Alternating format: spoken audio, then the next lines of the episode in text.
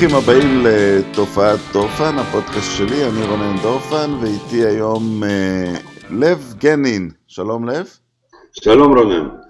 לב הוא אה, רוח החיה של, אה, של האוקי קרח בישראל, אני מקווה שלא הסתכסכתי עם מישהו, אבל בשבילי הוא הרוח החיה. אה, והוא עומד לספר לנו על אירוע מאוד מיוחד שעומד להתרחש בארץ. הקרנה של סרט דוקומנטרי, נחשב למועמד לאוסקר בין היתר, על ה-Russian Five. וה-Russian Five היו קבוצה של חמישה שחקנים רוסים שכיכבו במדי הדטרויט רד ווינגס באליפויות בעיקר של 97 ו-98, אחת מהן נפצע קשות בין היתר. ואני אפתח פה באיזה סיפור קצר, ב-1997 הייתי בחתונה בארצות הברית של בן דוד מאוד קרוב, בן דוד ישראלי במישיגן, ואחרי זה הגיע שלב פתיחת המתנות. אה, והזוג המאושר, האישה הייתה ממישיגן, קיבל אה, זוג כרטיסים למשחק בסדרת הגמר של, אה, של הרד ווינגס, והבן דוד שלי, שלא התעניין מעולם בספורט, חשב שזה אחד הדברים הכי מעליבים שהוא אי פעם ראה, אבל אשתו, לדעתי, הייתה יותר נרגשת מאשר, מה... מאשר מהחתונה עצמה. אה, אז הסרט יהיה על ה-Russian 5, אה, ורשות הדיבור ללב, ספר לנו קצת על, ה... קצת על הסרט וקצת על האירוע שנערך בארץ. אז אה, קודם כל שלום לכולם, ולא הסתכסכת עם אף אחד, כי כמו שאמרת, שהרוח החיה היא גם רוח חזקה, אז מי שחושב שהוא מסוכסך אז הוא יעוף ברוח וזה בסדר. הכל בסדר גמור, אנחנו באמת, אני גאה להיות בין אלה שהקימו את ענף בוקי קרח בארץ, למרות שזה נראה אז כמעט לפני 30 שנה כחלום וכדבר שהוא מטורף לגמרי, בעזרתה האדיבה של, זיכרונו לברכה, יוסי גולדברג, ראש עיריית מטולה, שהוא הקים פה מגרש תקני אולימפי ראשון, אבל זה, בזה נסיים את הפרק של לב ונעבור לפרק של דטרויט. דטרויט רדווינגס, אחד מה... ששת הקבוצות המקוריות של ליגת ה-NHL, קבוצות שכמעט 50 שנה רק הן שיחקו על הגביע הסטנלי, הגביע היוקרתי והתואר הכי חשוב באופי עולמי מאז ומעולם, uh, הייתה uh, קבוצה שבמשך 42 שנה, עד לאותה שנה, שנת 97, לא זכתה בגביע, וחי עם תווית מסוימת של, של לוזרית בדומה לעוד אחד מחברות שלה למועדון ה-Original Six, ניו יורק רנג'רס. עכשיו, בדטרויט, אה, שהיא עיר אוהדת הוקי, אוהבת הוקי, נחשבת לעיר מספר אחת של הענף בארצות הברית, אה, הלכו על השינוי הגדול בשנות 90 אה, והחתימו קודם כל את המאמן, שהוא המאמן הגדול בהיסטוריה עם הכי הרבה זכיות בהיסטוריה המודרנית של ההוקי, סקוטי בואומן, שלפני זה הוא זכה בשתי אליפויות היסטוריות עם פיטסבורג, ראשונות בהיסטוריה של מועדון ההוא, פיטסבורג פינגווינס, וסקוטי בואומן התחיל לבנות קבוצה,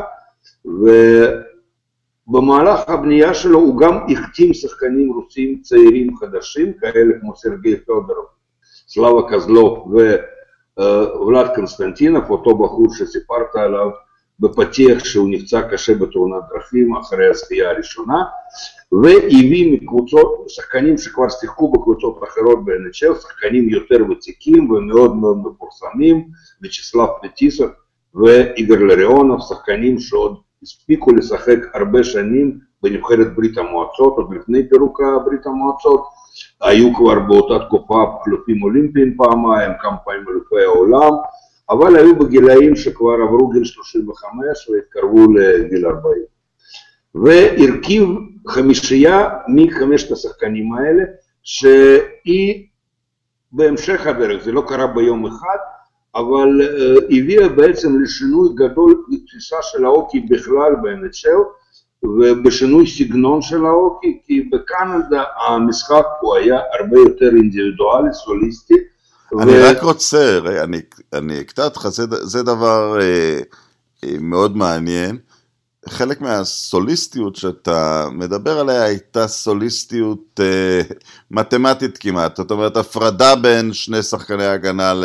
אוקיי יש המון חילופים, ולרוב החליפו את ההגנה בזוגות של שניים ואת ההתקפה בזוגות של שלוש, והתפיסה הרוסית הייתה יותר הוליסטית שהחמישייה נכנסת כולה ביחד למגרש ומשחקת ביחד, והתוצאה היא שהיא משיגה אה, תיאום, אה, תיאום אה, טכני ויותר טוב מאשר הפרדת הקבוצה לחלקים. זה נכון, אבל לא רק זה, גם בשלישיות ההתקפה בקנדה הרבו להחליף שחקנים, ואותו שחקן, כוכב, הרבה פעמים מצא את עצמו עם פרטנרים החדשים אפילו תוך כדי משחק עצמו. זאת אומרת, מאמנים עשו חילופים בתוך הקווים הקבועים כביכול, וזה לגמרי נוגד את השיטה הסובייטית, בעצם האוקי הזה, השיטה הרוסית, היא שיטה שנקנתה לברית המועצות, כששחקנים שיחקו לא רק בחמישיות כאלה, יחד, כמו שאמרת, שני שחקני הגנה ושלוש שחקני התקפה התחלקו ביחד, אלה שיחקו באותם קווים שנים, התאמנו ביחד, עברו גם מהקבוצות לנבחרת, באותם קווים בנבחרת, ברית המועצות הגדולה, בחיים כמעט היו מקרים בודדים שהזמינו כוכב גדול מהקבוצה בלי להזמין שני הפרטנרים שלו לאותה שלישיית התקפה. זה גם סיבה למה הנבחרת ברית המועצות שיחקה אולי המשחק הכי מלהיב, כמו תזמורת שמתאמנת ביחד שנים, אז הם באמת נתנו קונצרטים על הקרב, זה שחקנים שהבינו את עצמם על עיוור, היו מתואמים והתוצאות היו בהתאם. הנבחרת ברית המועצות הגדולה בשנות ה-70 וה-80 באופן קבוע כמעט ניצחה את קבוצות מורכבות מכל הכוכבי NHL. אני אעשה פה טעות נוראית ו- ויגרור את, את לב ל... לוויכוח כלכלי, אבל אולי זאת אחת הדוגמאות היחידות ששוק מתוכנן עדיף על שוק שוק קפיטליסטי, אה, קפיטליסטי חופשי. אה, תשמע, אני לא, לא אוהב הכללות, אבל במקרה של האוקי באמת, וכחוויית הצופים, כמובן השיטה הרוסית ואיך שהם שיחקו הייתה הרבה יותר אטרקטיבית לקהל, וזאת גם סיבה שהם מיד עם הגעתם ל-NCO, גם כשחקנים בודדים, ובמיוחד הקו הזה, יקנו לעצמם המון המון מעריצים. כן, תראה, אנחנו. אולי, אולי משהו שיותר מוכר לרוב השומעים שלנו, ראינו את זה גם בכדורגל, בדינמו קיוב הגדולה, למעשה החזיקו את כל נבחרת ברית המועצות כמעט באותה קבוצה, והיא בשנים 86-88 הייתה אחת הנבחרות המדהימות לצפייה. אבל פה אני, פה אני אתווכח איתך, וזה נכון מה שאמרת, אבל זה לא רק דינמיטיב, וזה דווקא לא שייך לשיטה קפיטליסטית לשיטה סוציאליסטית. הכדורגל, כי הוא אולי יותר מוכר למאזינים שלנו, הוא הפך עם השנים, כמו גם אוקי, מספורט של, ותחרויות חשובות של הנבחרות לספורט ותחרויות חשובות של מועדנים. כן. כי בתקופה גם ההולנד הגדולה הייתה אייקס, וגרמניה הגדולה הייתה ביירן מונכן. לגמרי, והונגריה הגדולה הייתה הונבד אפילו הרבה שנים. נכון, נכון, ששחקנים. היום זה בלתי אפשרי, זה גם מוריד מהדם הרב מיריבויות הגדולות בין הקבוצות, אפילו ניקח, אני יודע, ברזיל, ארגנטינה. אז כששני כוכבים, מסי ונאמר, משחקים באותו מועדון והם חברים, אז אין כבר את. הקליק הזה, את המתח הזה בין הקבוצות, כמה שאנחנו לא ננסה בתקשורת לבנות אותו. זה לא אותו דבר, ואנחנו חיים עם זה. היום הכדורגל היפה, אתה רואה בליגת האלופות ולא במונדיאל, וזה לא היה ככה.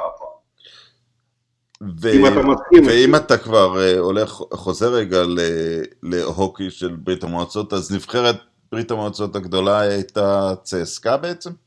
הייתה בעצם צסקה, וגם השחקנים, הרוב השחקנים שם, פיטיסוב דווקא הוא די נדיר שהוא יליד מוסקבה, הרוב השחקנים היו מגיעים ממחוזות, נגיד עיר כמו צ'לבינסק והרי אורל שהיה שם אחד מבתי הספר הכי גדולים בהוקי, משם הגיעו הרבה שחקנים, בדומה שמה שהיה פה פעם בארץ במכבי תל אביב כדורסל, צסקה היו מביאים כל שחקן שהם רצו, שחקן שהתאים בעצם לנבחרת ברית המועצות, ובשביל שהוא יהיה טוב בנבחרת הוא היה צריך לשחק בצסקה, ועם שחקנים קבועים, אני נגיד מכיר את איגר לריאונוב, אחד מחמישייה, הוא בן גילי, והוא שיחק במועדון קטן ליד מוסקבה, קראו לו חימיק וסקריסנסק, אגב אצל מאמן שנחשב בעיני רבים כאולי מאמן הטוב ביותר בברית המועצות, שגם בשלהי, בסוף חייו אימן שנתיים נבחרת ישראל,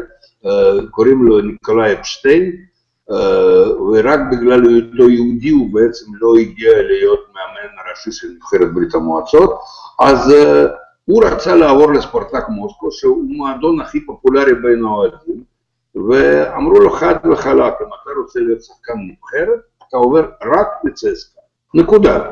והוא בגיל 18 עבר לצסקה, בגיל 20 סליחה, ומאז הוא שחקן צסקה, שחקן נבחרת, אותו דבר היה עם הרבה שחקנים, סרגי מקרוב, חברם לאותו קו אגדי של נבחרת ברית המועצות, לא החמישייה של דטרויט, עבר מצ'לאבנסק, הם בעצם לקחו כל שחקן שהם רצו, וזה היה תנאי כמעט, כמעט אבסולוטי בשביל להיות שחקן נבחרת. עכשיו, אם, אם, אם נחזור לסיפור של דטרויט, אז הם זוכים בשני אליפויות, ו, ואנשים צריכים לצפות בסרט כדי, כדי אה, אה, לראות את זה.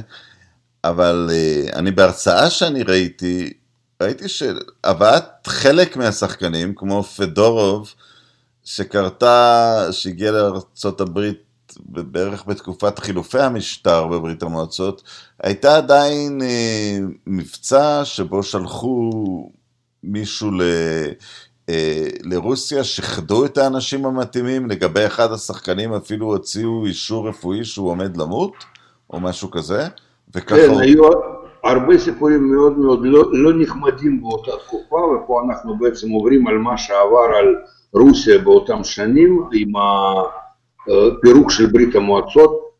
היו עוד דברים שהרבה פחות סימפטיים, גם עם פיטיסוב, גם עם תיאודרוב, שהמאפיה שאז פעלה שם כמעט באין מפריע ברוסיה, בעצם איימו על המשפחות שלהם. בשביל שהשחקנים ישלמו כופר גדול מאוד למשפחות, כי השחקנים מיד זכו בחוזים מאוד שמנים של מיליוני דולרים, והיו מקרים וכתבו על זה שבעצם משהו כמו עשרה אחוז רק הגיע לשחקנים, כל השאר המשכורת שלהם הם שילמו כשוחד בשביל שלא ייגעו במשפחות שלהם, סיפור מאוד מאוד קשה ולא סימפטי.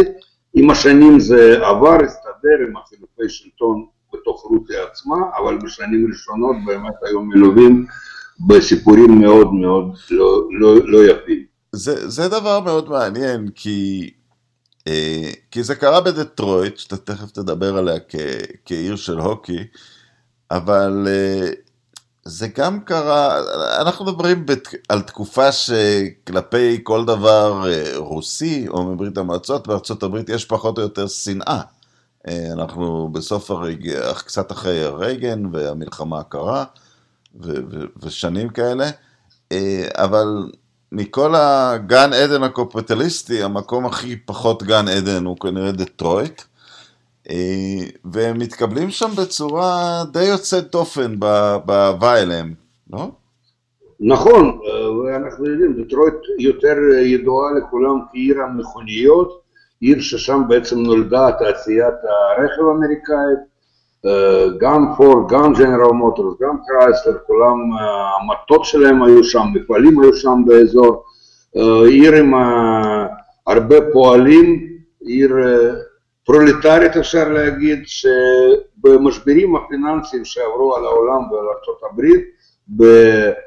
גם קצת לפני זה, בשנות ה-90 וגם במיוחד כבר אחרי התקופה של חמישייה הרוסית ב-2007-2008, פגעו קשה מאוד בעיר הזאת, הייתה ממש עיר רפאים במשך אה, כמה שנים. אני, היום אני אגב אחזור קצת, רגע, קצת אני, אני אחזור רגע לחתונה כן. הזאת שהייתי בה ב-97. זה נמשך שלושה ימים, הגענו לברביקיו שמשפחה שאירחה אותם ואחרי זה היה רספשן ולא חשוב. בקיצור היינו שלושה ימים במלון מחוץ לדטרויט ובשלב מסוים אני אמרתי, שאלתי מישהו איך אני נכנס לעיר, אני רוצה להסתכל קצת. והסתכלו עליי קצת כמו מטורף, זאת אומרת, אתה מתכוון גם לחזור משם? אף אחד לא הלך לדאונטאון של דטרויט אז, ובאופן אירוני זה קצת הזכיר את מוסקבה באותם שנים, לא? נכון, אבל סיבות הן אחרות, והיסטורית זה שונה, למרות שדטרויט באמת, ואני המפיקה של הסרט הזה, אז ז'ני פיטרוביץ', שהיא ילידת מוסקבה, הגיעה עם ההורים שלה בגיל 13 לדטרויט, עברה את השנים האלה, גם הייתה אומרת שהאוקי בעצם זה היה קרן אור היחידה כמעט באותם שנים בחיי, בחיי החברה של העיר, זאת, זה דומה לברית המועצות אגב, שהאוקי היה בעצם המספר, הייצוא מספר אחד של המדינה, אולי יחד עם בלשוי בלט, התחום שבו הם היו הכי טובים בעולם, הרגישו הכי טוב בחוץ, יכלו להגיד, הנה, אתם אומרים משהו נגד המשטר שלנו, לדוגמה של ברית המועצות, והנה יש לנו קבוצה כזאת וענף ספורט כזה שאנחנו הכי טובים בעולם.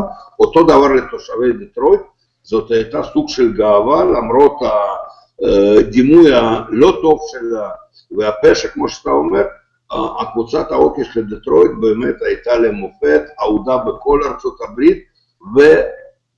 90% מזה שייך באמת לחמישייה הערותית הזאת, שהיא לא רק הביאה תארים, אלא גם הלהיבה. היא הביאה סוג אחר של המשחק, סוג אחר של אוקי, ויש הרבה סיפורים באמת איך האוקי עבר שינוי באותם שנים. זה בעצם התחיל, ואנחנו דיברנו על זה, אני חושב, בפודקאסט הקודם שלנו, בשנת 72, כשפעם ראשונה נפגשו נבחרות ברית המועצות ונבחרת כוכבי NHL, אבל זה לאט לאט לאט לאט חלחל, כי רק 15 שנה אחרי זה התחילו להגיע שחקנים סובייטים ראשונים ל-NHL. אגב, השחקן האירופאי הראשון ששיחק ב-NHL היה מיודענו, ואתה יודע על מה אני מדבר, ואצלב נידמנסקי, שחקנה של צ'כוסלובקיה ושל סלובן ברטיסלבה, שערק לארה"ב באחד מה... טורים שעשתה נבחרת צ'כוסלובקיה, הוא וחברו לנבחרת פרדה נשארו בארצות הברית, ביקשו מקלט מדיני, קיבלו אותו, פרדה לא הצליח, נידמנסקי נכנס לנשל, תתפלא לשמוע לדטרויט, זאת הייתה הקבוצה הראשונה שלו, למה אני מספר על זה? כי נידמנסקי היה שחקן מצוין, אבל לא השאיר רושם גדול בנשל. לפני שלושה ימים הוא התקבל לעולם התהילה, לכל אופן, בטורונטו, נכנס כאחד מהצ'כוסלובקים הבודדים שנמצאים שם. אבל אולי, אולי בדיוק, אולי בדיוק בגלל אותה סיבה שאין טעם להביא שחקן אירופאי לבד. בדיוק בגלל אותה סיבה, הוא האירופאי הראשון שהגיע ל-NHL, השני והמשמעותי הרבה יותר, שחקן שבאמת יש רושם ענק, היה ברי סלמינג השוודי, ושהגיע לטורונטו, עשה שם קריירה מפוארת, למרות שלא זכה בגביע, ודיברנו עליו לא מזמן עם חברנו רן מלובני מערוץ הספורט בזמן אליפות אירופה באתלטיקה קלה דווקא, כי הבת של ברי סלמינג ייצגה את שוודיה בקרב שבע של הנשים, אז הרבה סיפורי ספורט משתלבים. ואז התחיל טפטוף, קודם כל שחקנים סקנדינביים, כי לא הייתה בעיה, הם יכלו להגיע חופשי, שחקנים כמו נילסון ואנדרס חדברג הגיעו וזכו גם בגביעים, גם שיחקו בצורה מאוד מאוד יפה, בשנת 89 בעצם נפתחה דרך לשחקנים סובייטים לשעבר, וטיסוף אגב היה זה שהרים את, כמו שאצלנו אומרים, את הדגל המרד של השחקנים נגד הממסד הסובייטי, דרש שייתנו לשחקנים לצאת, ובסופו של דבר גם הצליח בזה. רגע, ופה זה, פה זו שאלה אה, מאוד אה, מהותית, כי אתה אומר, שחקן הוקי קם ודורש שייתנו לשחקנים לצאת, זה משהו שיכול לדעתי לקרות רק בדמדומי ברית המועצות. ב-72, 65 זה לא משהו שמישהו יכול היה לדרוש. ברור, ברור. לטריטיאק, אגב, לשוער האגדי שהיום אה, נשיא ההתאגדות האוקי הרוסית, הציעו מיד אחרי אותה סדרה חזים שמינים מאוד בצ'יקגו, בלק הוקס, וכמובן זה, רק צחקו על זה כי אף אחד לא היה נותן לו לצאת. הסיכוי היחידי היה באמת להרוג. אגב, ראשון משחקני רוסיה בכלל ששיחקו בנשיא הוא בחור שלא הרבה שמעו עליו, קוראים לו ניצ'אייב, הוא ערק ועלה כיהודי, הייתה לו אישה יהודיה לארצות הברית וב-82 הוא שיחק בקבוצת נוסף של קינגס, אבל הוא לא היה שחקן משמעותי, ואחרי זה אלכסנדר מגילני, שעד היום אגב למרות שהוא לא זכה בגביע, הוא נחשב לאחד מהווירטואוזים הגדולים והמפתיעים הכי ידועים בנשב, שיחק הרבה שנים בבאפלו, בוונקובר, גם בטורונטו, עוד עם נבחרת הנוער בגיל 19 ערק, כמה חודשים לפני שנתנו לשחקנים לצאת, והוא בחור שנקרא במקור אלכסנדר הגדול ולא האבצ'קין של היום, בשביל זה הרבה שחקנים של אז כועסים כשאומרים שאובצ'קין הוא great אלכסנדר, אומרים ש great אלכסנדר היה רק אחד וקוראים לו אלכס מוגילני. אני רק רוצה עוד פעם לעשות קצת סדר היסטורי, כי מרצ'וליוניס מגיע ל-NBA בשנת 87 אה, נדמה לי לגולדן סטייט, אז אה, כאילו את השחקני הוקי הם שמרו אחורה עוד כמה שנים? הם שמרו אותם כי ההוקי, אמרתי לך, הוא היה בעצם נכס צאן ברזל של המשטר.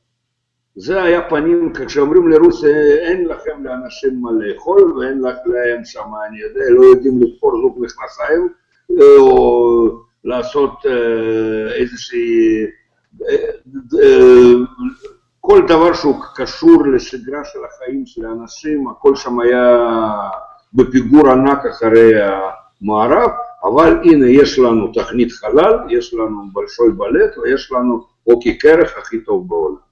והם רצו לשמור את הנכס הזה לעצמם. כן, רק למי שקצת אה, חושב שאנחנו פה מגזימים בחשיבות של, אה, של אה, ספורט מסוים למדינה, גביע ה-KHL כרגע נקרא גביע הגגארין, הגש הראשון בחלל, אז את, בעצם את הדמות הרוסית הכי הירואית, הוא יושב על גביע האוקי אה, קרח של רוסיה. ולגמרי כן, לא קשור, וגביע האוקי קירח של קנדה, הסטנלי זה על שם מושל בריטי שלא ברור למה, צריך לשנות את זה לגביע גרצקי, לא? אולי, למרות ש...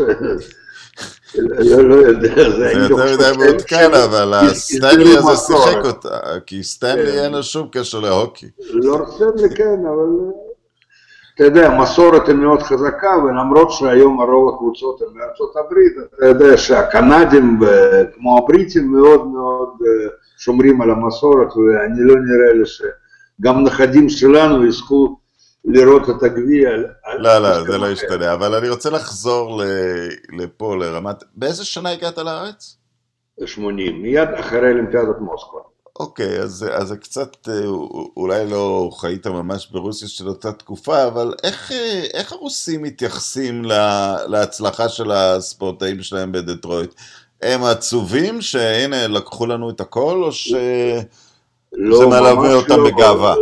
דווקא פטריוטיזם הרוסי פה הוא במיטבו, גם היום אגב, יש קבוצה שכמובן, כמו, אתה יודע, כמו כל הרוסים הגדולים בכל התחומים הם בעצם יהודים, שנקראת Russian Heritage, הם קבוצה של המורשת הרוסית, הם נמצאים, המרכז שלהם בפלורידה, הם מלווים את הקבוצות שיש בהם שחקנים רוסים בכל המשחקי NHL, הם עושים מחנות בשביל הילדים שמשחקים אוקי ומזמינים אחד מהשחקני עבר או מהשחקנים שהיום משחקים להיות שם, לתת את כיתת אמן כמו שקוראים לזה, והגאווה גדולה מאוד, במיוחד כשהם מגיעים להישגים. אגב, בניו יורק ריינג'רס שדיברנו עליה, אחרי 50 שנה לא זכו בגביע, זכו בגביע היחיד ב-94, שבעה שחקנים רוסים היו בהרכב של ניו יורק רנג'רס. לא הייתה קבוצת NHL עם שבעה רוסים לפני חמישייה רוסית, הם לא שיחקו באותו קו, אבל חמישה שחקנים רוסים שיחקו באותה קבוצה.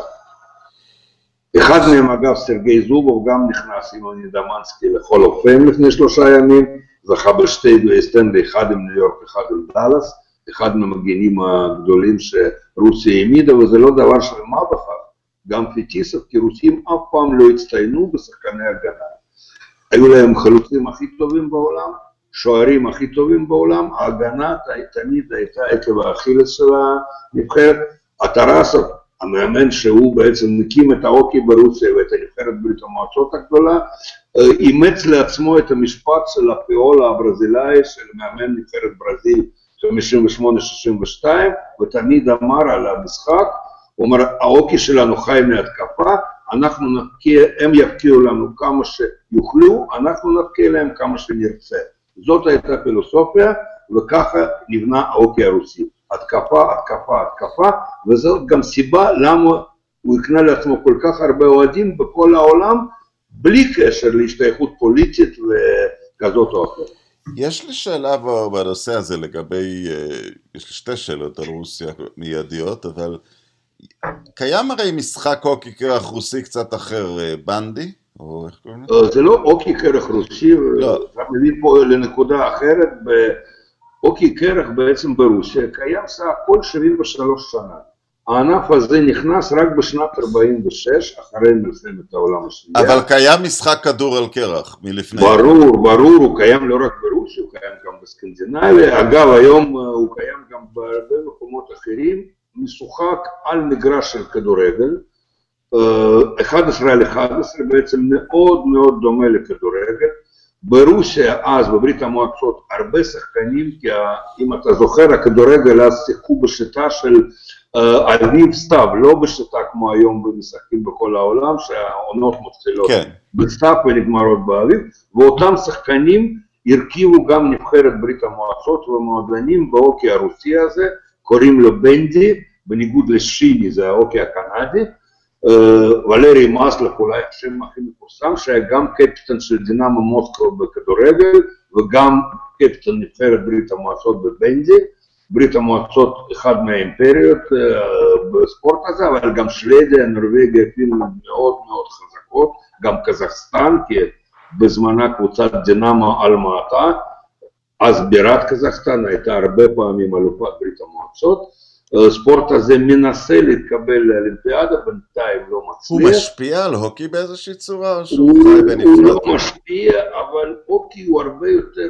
הוקי קרח ואני, אתה יודע, לא, לא אובייקטיבי פה. למרות שהבנדי גם משחק מעניין, אבל אוקי קרח, גם בגלל המגרש היותר קטן, גם בגלל המגע יותר בין השחקנים הוא הרבה יותר דינמי, הרבה יותר, לא אגיד יותר מהיר, כי השחקני בנדי הם עם מהירויות עצומות, הם משחקים על כל המגרש, אבל מבחינת האקשן והמתח, הוקי קרח הרבה, מצא הרבה יותר קל דרך ללבבות של האוהדים.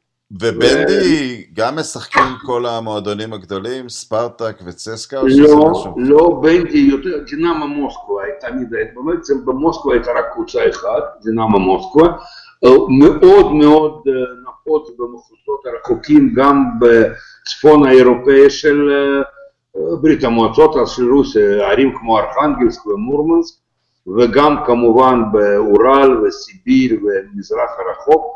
במזרח הרחוק של רוסיה, ואני מדבר על הערים ענקיות כמו חברסק, ולדיווסטוק, גבול סין, גבול יפן, בכלל לא שיחקו אוקי קרח.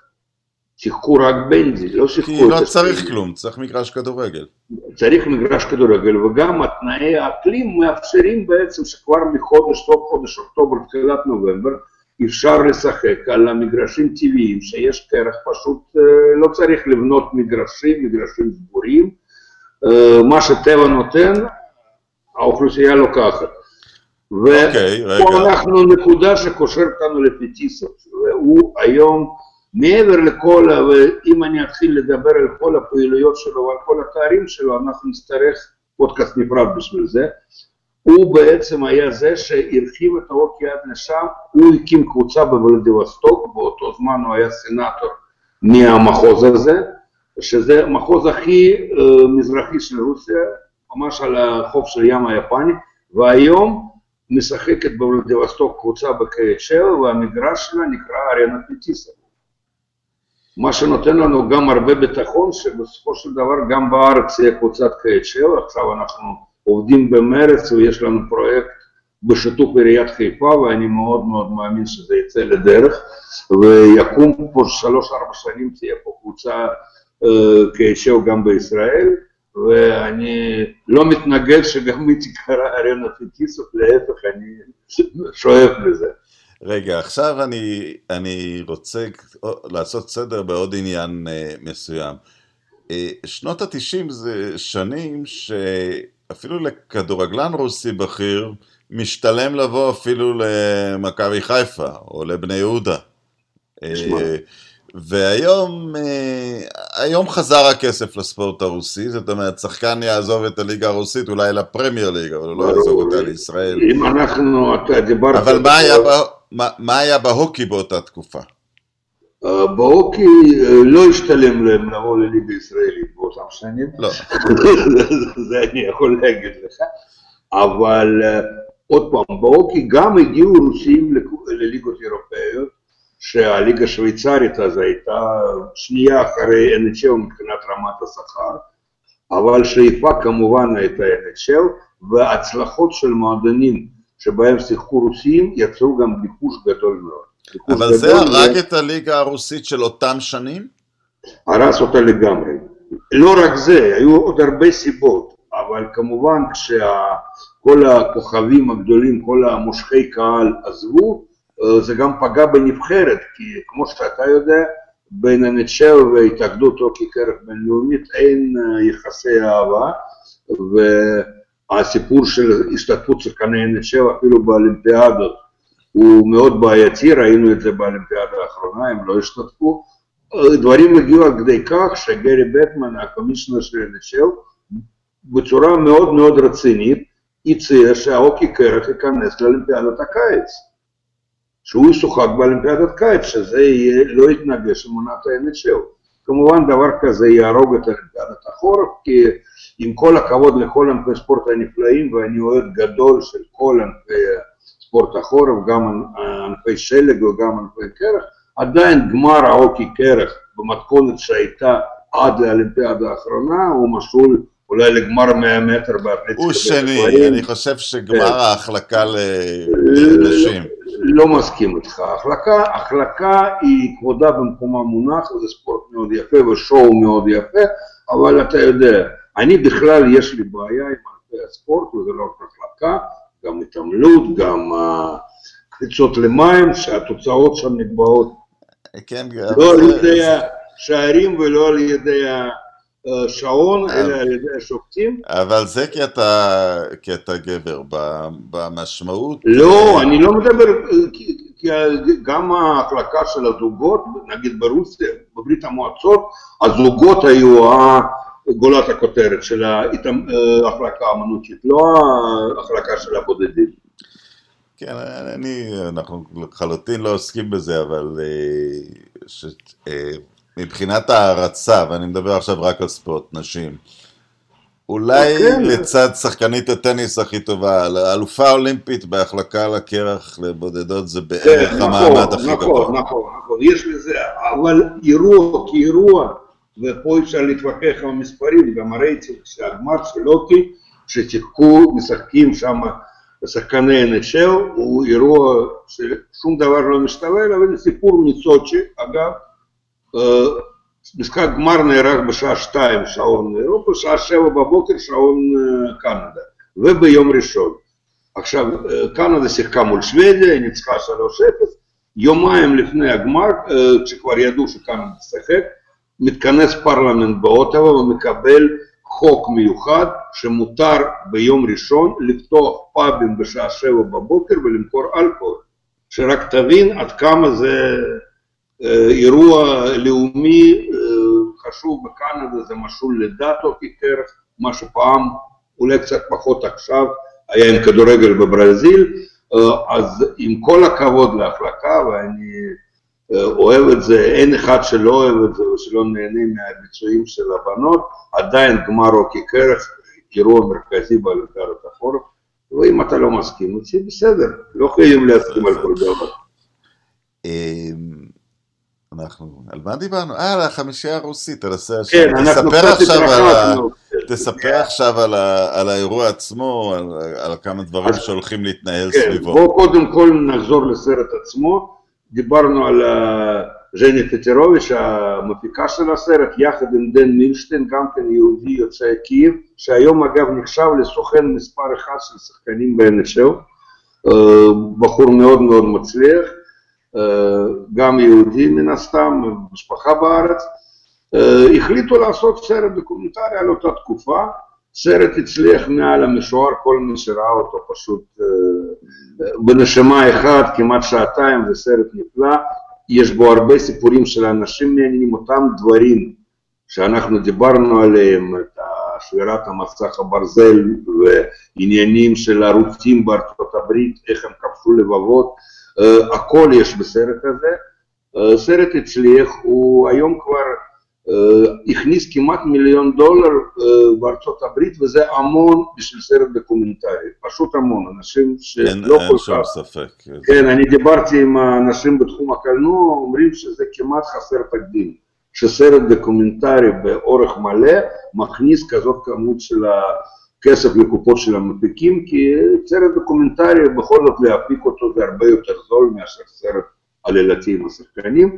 סרט נכנס ל longlist של מועמדים לאוסקר, ב-16 בדצמבר הרשימה הזאת תצטמצם ויהיה מה שנקרא shortlist. במסגרת הקידום של הסרט עושים הקרנות בכורה בכל מיני מקומות בעולם, הייתה במוסקו האחרונה בין כל ה-high society של העיר בתחום התרבות, הספורט, הממשל. יומיים לפני הביקור שלהם בארץ הם עושים אירוע מאוד נוצץ במלון בולגרי בלונדון, עם גם הקרנה שבהשתתפות חברי אקדמיה בכל אותה מדינה, זה בעצם סוג של מאבק על הקולות של חברי אקדמיה, זה לא בין כזה שעושים את זה בתחום הזה, אם אתה מכיר קצת את העולם ההוליוודי ואיך זה עובד שם בהצבעות, אז צריכים לשחד במרכאות את החברי האקדמיה. אז בקיצור, הביאו אותך לעזור ב... לא, לא הביאו אותי, אני הצעתי בו, אני מודה באשמה שזה היה פרויקט שלי, פרויקט מטורף, אני דיברתי עם פיטיסוב, דיברתי עם ז'ני ואמרתי להם, מה דעתכם על לעשות את זה בארץ? הם אמרו שנעשה בשמחה אם אני ארגן את זה, ואני לקחתי את זה על עצמי, ואני מאמין שאני גם אצליח במשימה שלי. לב, מי מממן אותך? מי מממן אותך? אף אחד לא מממן אותי. בוא, אני אגיד לך ככה, השאלה כמה חוק ירבוץ עליי אחרי ההקרנה הזאת, אני מקווה שלא כל כך הרבה. טוב, בוא ננסה...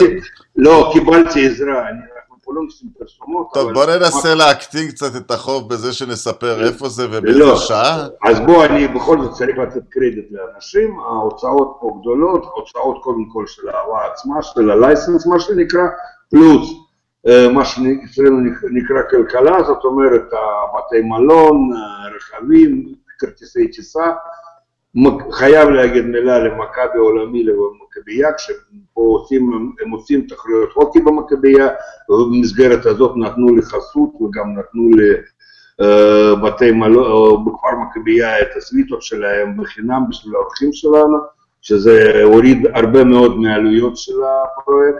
גם BMG Tours, חברה שעוסקת בהסעות משדות תעופה ונותנת שירותי הסעה, גם כן נתנה חסות ושירותי רכב בחינם, גם שגרירות רוסיה שמשתתפת באופן פעיל מאוד, וגם כן מימנה חלק מהדברים, אז יש עזרה, יש מי שעוזר, זה עדיין לא מספיק, אבל אם uh, נמכור את הכרטיסים, ואני מקווה שנמכור את כל הכרטיסים, אז אנחנו נצא break even וזה מספק אותי.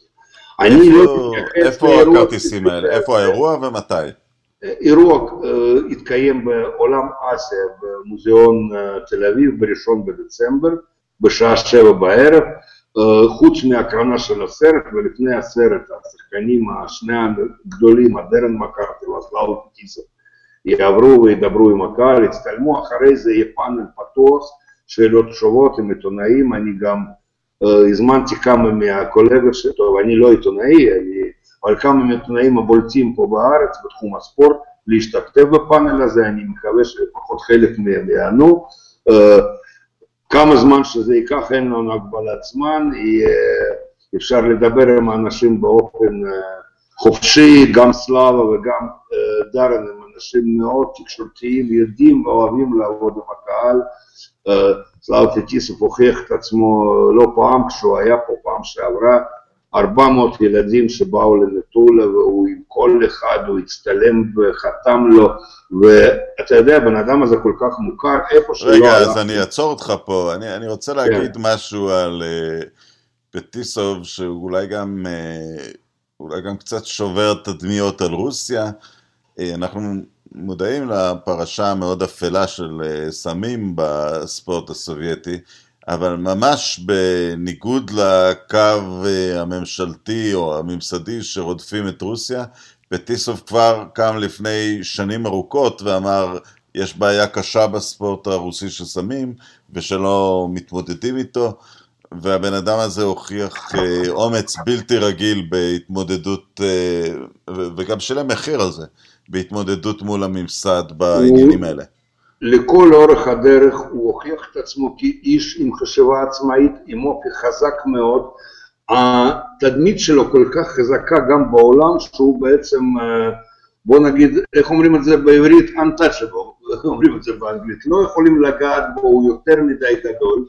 בשביל זה הוא עבד עם הסוכנות הזאת, והוא אמר שהבעיה אפילו לא של הספורטאים הרוסים, אלא של הפקידים, שהם פשוט זלזלו בכל הנורמות שיש ב, ב, בעולם, אה, שמו פס על ההחלטות בינלאומיות. עכשיו, יש לזה גם הסבר ואני יודע ממה זה נובע. הפקידים האלה, שהם בעצם סובייטים לשעבר, היו רגילים שבזמן ברית המועצות אף אחד לא התעסק איתם, ולמה? כי בכל התאחדות ספורט לרוסיה כמעט היה רוב אוטומטי, כי עוד 20-25 מדינות הצביעו יחד איתה. זאת אומרת, ללכת נגד רוסיה זה היה ללכת נגד עצמך, פחדו מהם. היום המצב הוא שונה, עם מדינות כמו של הגוש הסובייטי לשעבר, צ'כוסלובקיה, הונגריה, פולין, היו מצביעים אוטומטי יחד עם רוסיה, והיו יכולים לחסום כל החלטה ולהעביר כל בן אדם בכל התאגדות ספורט, כמעט אולי למעט כדורגל. היום המדינות האלה דווקא מצביעות בכל דבר נגד הרוסים, נגד הרוסים. הפקידים הרוסים לא הפנימו את זה, וכשבאו אליהם עם דרישה נורמלית לתת בדיקות בתאריכים מסוימים, בזמן מסוים, הם, הם אמרו לאותם פקידי ועדה, הסוכנות הבינלאומית למלחמה בסמים, בספורט, לא יודע בדיוק, זה World Anti-Doping Agency קוראים לזה, הם שמו להם אצבע משולשת ואמרו להם, כמו בימים הטובים, מי אתם בכלל בשביל להכתיב לנו? ומה שיצא מזה שהרבה הרבה ספורטאים שלא הבל בכפם פשוט נפלטו ממעגל של תחרויות בינלאומיות בכל הענפים. זה בדרך כלל אה, באתלטיקה בכל מקום. לב, מה, מה בעצם הביא לפטיסוב להיות בן אדם כל כך אה, עצמאי וחזק באופן אישי? מה זה, הוא נולד כזה, מה זה הביא? זה בן אדם שהוא נולד מנהיג, זה בן אדם שהוא אה, לא סתם הוא היה מגיל צעיר קפטן של נבחרת ברית המועצות, זה אומר שיש לו תכונות מנהיג אה, לא מעוררות, הוא יצא נגד טיכונוב, הכל יכול, מאמנה שלה של נבחרת ברית המועצות, עם דרישות אז לשחרור שחקנים, הוא הוכיח את עצמו כבן אדם שהוא דואג לעניין, שהוא אוהב את העניין עצמו, הוא באמת אוהב אוקי בצורה כמעט כמוני רציתי להגיד, והוא נלחם על דעותיו, הוא גם בן אדם בניגוד לדימוי של הרבה ספורטאים מאוד מאוד משכיל, עם איי-קיו מאוד מאוד גבוה, פשוט אה, הוא גם יש לו תוכנית טוק אה, שואו משלו בטלוויזיה הרוסית, והוא נלחם על מה שהוא מאמין בו, והוא יכול להרשות את זה לעצמו. היום אנחנו יודעים, והוא היה פה בארץ לפני שמונה חודשים, הוא uh, שליח מיוחד, שגריר מיוחד מטעם מזכ"ל האו"ם, בנושא התחממות הגלובלית והאקלים, יחד עם עוד ארבעה ספורטאי חורף מפורסמים, יארי קורי, שחקן פיני ששיחק עם גרצקי באדמונטון הגדולה, מייק ריכטר, שוערה של ניו יורק ריינג'רס, שהביא את האליפות ההיסטורית ב-94 וגביע העולם היחידה בהיסטוריה של ארה"ב ב-96, ניצחו את קנדה בקנדה בסדרה של שלושה משחקים, ואתה בטח מכיר, הביאתלוניסט הכי מפורסם בהיסטוריה, ביורנדלן הנורבגי, שהוא גם כן שליח ושגריר באותה משימה, הם מקיימים משחקים בכל העולם, משחקי ראווה והוקי, אחד מהם היה בארץ, משחק אחרון בפרויקט הזה יהיה בסוף אפריל בקוטב הצפוני, ואחרי הפרויקט הזה עומד הרעיון שאם אנחנו נמשיך לא לשמור על כדור הארץ, אז המשחק הזה יהיה משחק האחרון, כי הספורט החורף בעצם ייעלם כספורט שמשוחק במרחבים הפתוחים. סקי, דברים כאלה שדורשים את התנאי טבע והחורף האמיתי, פשוט ייעלמו עם הזמן מהמפה, פרויקט מאוד יפה, מאוד תקשרתי, ופיטיסטה הוא הפרונט ראנר המוביל של הפרויקט. אוקיי, אז לב, תודה רבה, אנחנו... הוא גם חבר גדול שלנו, אנחנו גדלנו יחד ושיחקנו אחד נגד השני בארץ, ואני אוהב אותו. חבר שלך. חבר שלי, גם הוא חבר של ישראל.